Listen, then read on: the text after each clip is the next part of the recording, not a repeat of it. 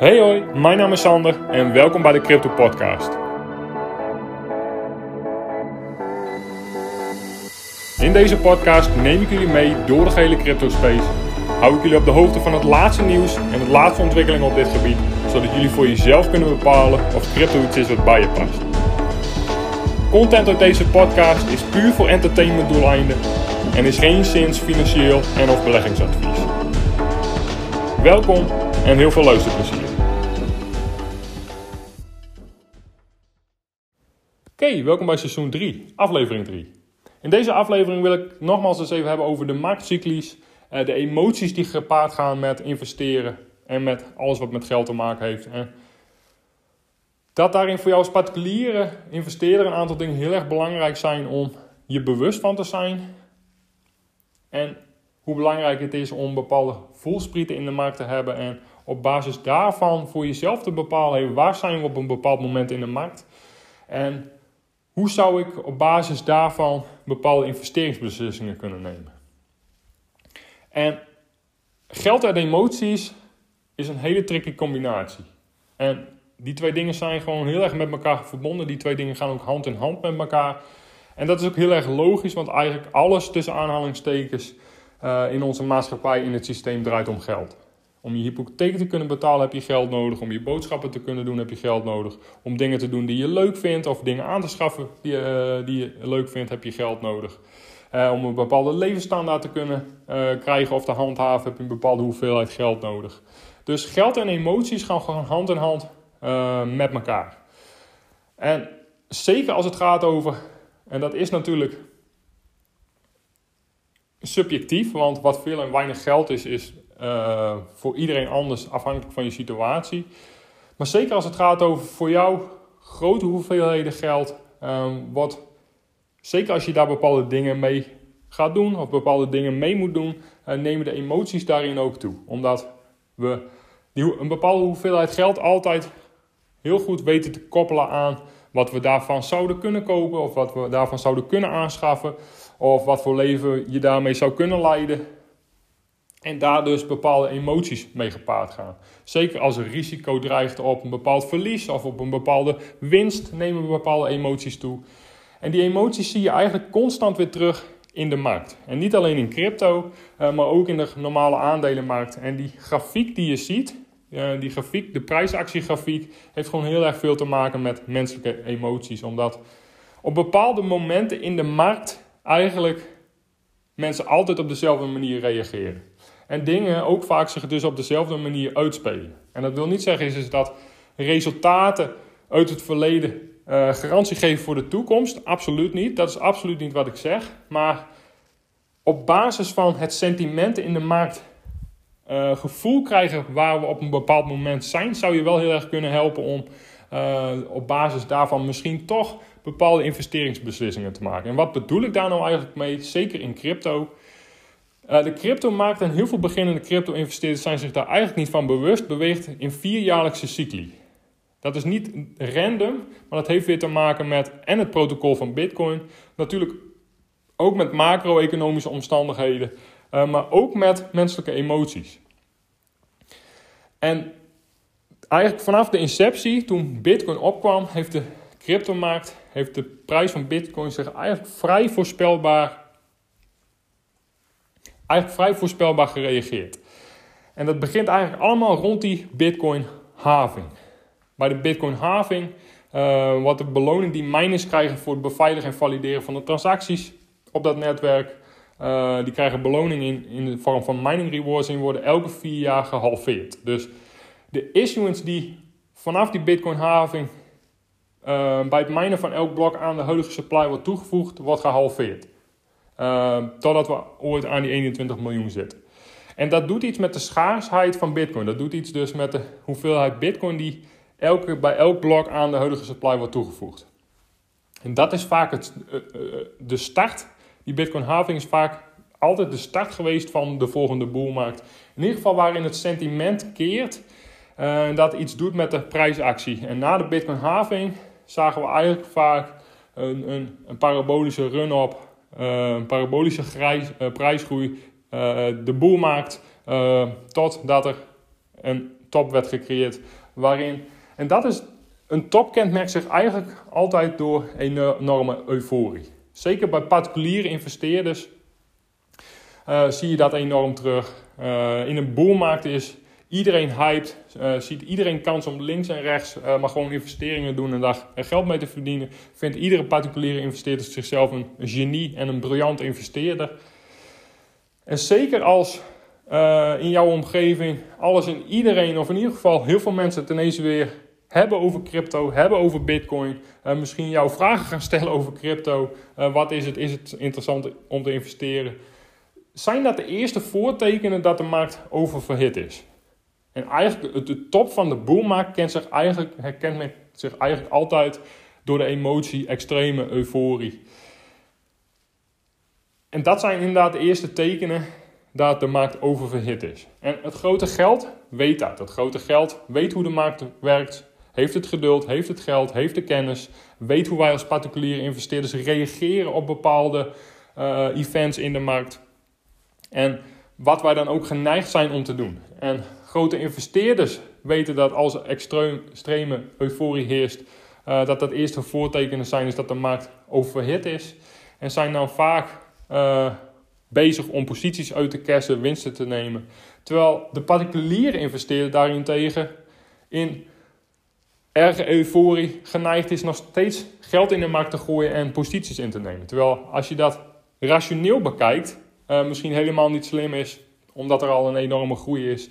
Uh, enorme parabolische groei niet sustainable is over uh, grote periodes van tijd. En een markttop dan vaak dichterbij is dan iedereen denkt. Dan na het maken van de top koelt de markt vaak vrij snel af. Crasht de markt ook vrij snel. En dat is eigenlijk uh, grote instituties nemen winst. En naarmate het sentiment verandert, want het sentiment verandert dan vaak in vrij korte tijd vrij snel, van extreme euforie naar extreme angst. En dat is waar we nu een beetje zitten. Als je nu een beetje in de cryptomarkt zit, je voelsprieten een beetje uh, laat werken, misschien in bepaalde communities zit uh, van bepaalde projecten, um, ja, kom je er eigenlijk vrij snel achter dat het sentiment op dit moment gewoon super negatief is. Uh, mensen super angstig zijn voor hoe diep we nog gaan, hoe, hoe ver de prijs misschien nog verder gaat, uh, gaat zakken. En dan ontstaat natuurlijk ook de discussie wanneer is de bodem gemaakt, et cetera, et cetera, et cetera. Maar in, in principe heerst er extreme angst. Uh, is een hele grote groep mensen die denkt dat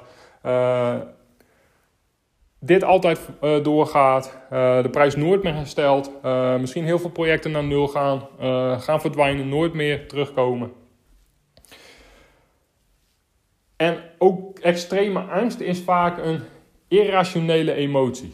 Wil ik niet zeggen is dat het niet logisch is dat je die angst ervaart, absoluut niet. Maar uiteindelijk moet je ook dingen gewoon gaan zien voor wat ze zijn.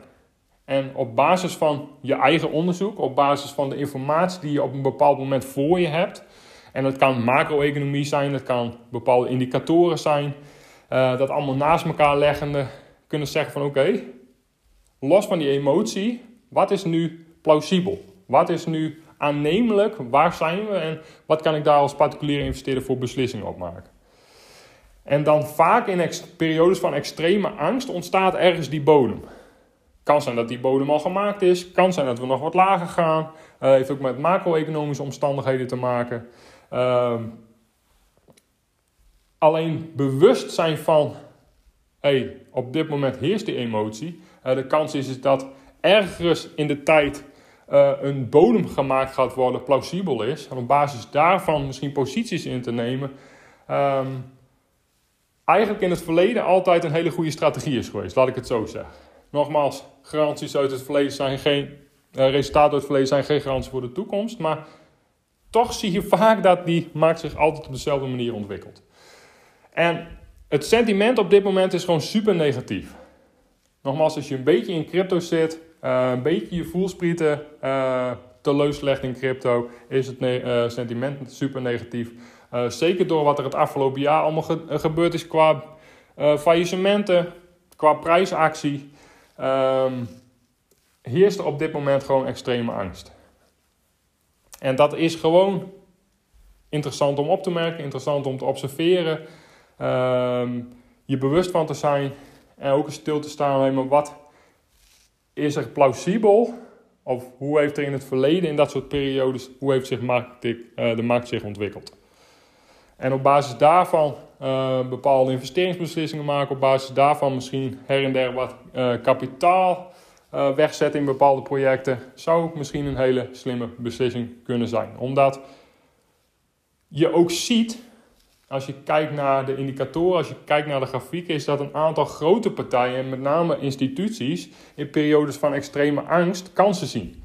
In periodes van extreme angst posities aan het innemen zijn. Dus waar de particuliere investeerder uh, over het algemeen tussen aanhalingstekens met weinig kapitaal, tussen aanhalingstekens weinig kennis, in paniek raakt en eigenlijk in paniek de markt probeert te verlaten, zijn grote instituties in periodes van extreme angst posities aan het innemen, uh, posities aan het accumuleren, omdat zij weten hoe wij, de grote groep particuliere investeerders, in dit soort periodes reageren. Weten dat in dat soort periodes vaak een bodem gemaakt wordt. Weten dat in dat soort periodes, als het bloed vloeit, kansen liggen. En daar zitten we nu natuurlijk een beetje in. En nogmaals, in mijn vorige aflevering um, had ik het daar al een beetje over. Het is natuurlijk de discussie, hey, maar wanneer ontstaat dan precies die bodem? Uh, dat is altijd speculeren, dat is altijd lastig te zeggen. Maar op basis van het sentiment zou je daarin misschien wel wat richting kunnen krijgen. En investeren is speculeren, er zijn geen garanties. Uh, je zult daarin zelf bepaalde uh, beslissingen moeten nemen.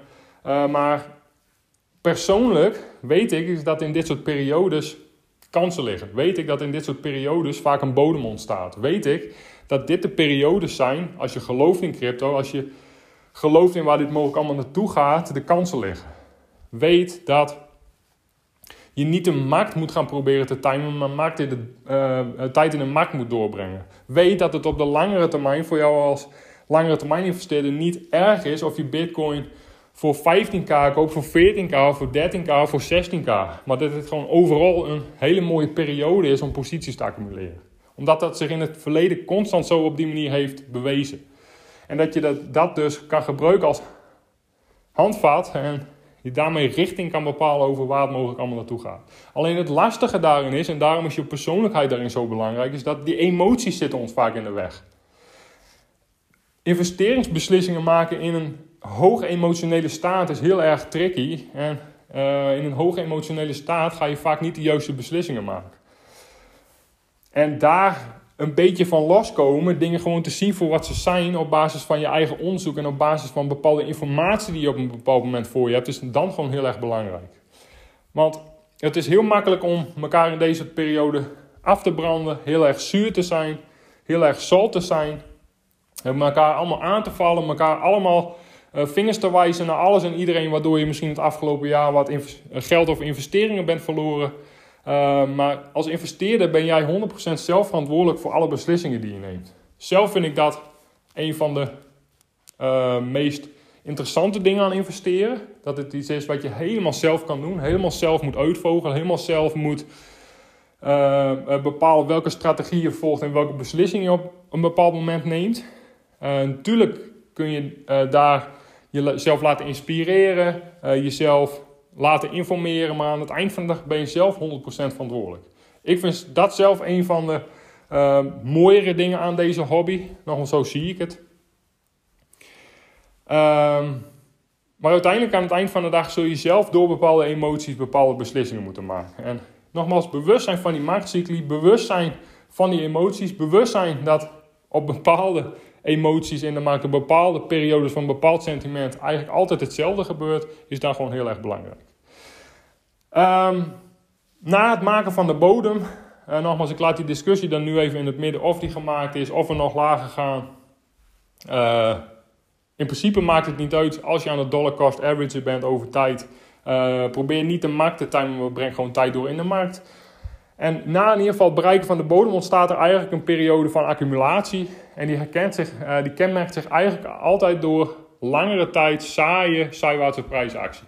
Gebeurt weinig in de markt, weinig uh, prijsactie. Uh, prijs beweegt zich vaak in een hele strakke range.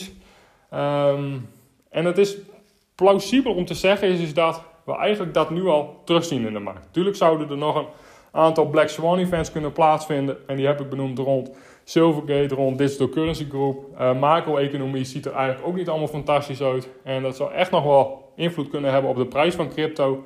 Maar overal houdt de markt zich vrij goed. Uh, ontstaat er eigenlijk een, zitten we eigenlijk al in een periode van behoorlijke zijwaartse prijsactie.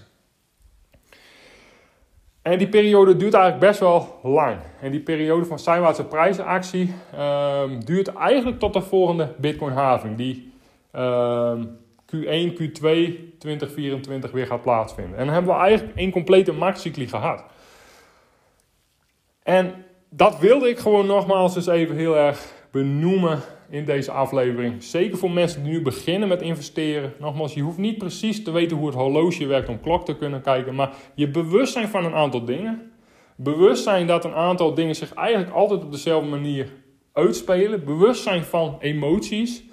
En wat dat zegt over waar we op een bepaald moment in de markt zijn, is daarin wel heel erg belangrijk. Je eigen persoonlijkheid daarin meenemen. Bewustzijn wat bepaalde emoties met je doen. Bewustzijn dat beslissingen nemen in een hoog emotionele staat heel erg gevaarlijk is. Dat je dan eigenlijk altijd geneigd bent de verkeerde beslissing te nemen. Is als, zeker als beginnende crypto-investeerder heel erg belangrijk om iets van te weten, je bewust van te zijn. Uh, te weten dat op de dag van vandaag eigenlijk die vierjaarlijkse cycli in crypto zich eigenlijk constant perfect heeft uitgespeeld. Uh, ook plausibel om te zeggen is daar, dat daar in de toekomst verandering in komt. Zeker als Bitcoin wijd en verspreid gebruikt gaat worden, blockchain wijd en verspreid gebruikt gaat worden, uh, de totale marktwaarde van crypto en Bitcoin enorm omhoog gaat, is het zeker plausibel om te zeggen is dat prijsactie zich uh, in de toekomst mogelijk anders gaat veranderen. Maar dat wil niet zeggen is dat eigenlijk die emoties, dat je die eigenlijk constant terugziet in de markt. En die gaat dus eigenlijk van extreme euforie tot extreme angst en alles wat ertussen zit. En uh, ja, wat particuliere investeerders geneigd zijn te doen in periodes van die bepaalde emotie. En dat is in periodes van extreme euforie eigenlijk geneigd om tegen beter weten in. In ieder geval zeker als je uh, kijkt dingen ziet voor wat ze zijn. Eigenlijk heel erg onverstandig is om dan nog geld in de markt te gooien. Maar we eigenlijk dat wel doen op basis van die uh, emoties van euforie. En in periodes van extreme angst geneigd zijn nog steeds in paniek te raken, nog steeds proberen uit positie te komen, tegen enorme verliezen gaan verkopen en nooit meer terugkomen, terwijl uh, misschien juist dan de kans in de markt ligt. Dus. En wat ik net al zei, daarin je eigen weg vinden, daarin je eigen beslissingen nemen, bewustzijn van jezelf, bewustzijn van uh, wat er om je heen gebeurt in de markt, vind ik een van de leukste dingen aan investeren. Uh, en misschien is de reis die je maakt nog wel veel interessanter dan misschien het uiteindelijke resultaat over 5 tot 10 jaar. Uh, wil niet zeggen is, is dat we natuurlijk met z'n allen in crypto investeren om daar financieel beter van te worden. Dat is helemaal niet wat ik zeg. Maar investeren, ik zie het als hobby en het is gewoon heel interessant om uh, bewust te zijn van emoties, bewust te zijn van alles wat er om je heen gebeurt. Je voelsprieten te luisteren legt.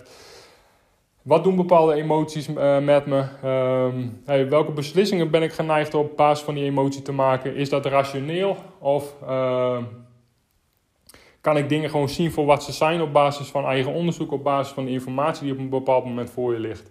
Ja, dat is eigenlijk wel, dat is eigenlijk wel gewoon de charme van investeren. Je 100% zelfverantwoordelijk bent voor je beslissingen. Uh, in al die emoties, in al die marktcondities en al die factoren. Uh, je eigen weg moet vinden en ehm, ja, daarop de beste beslissingen moet nemen. En ik wil je hier gewoon bewust van maken.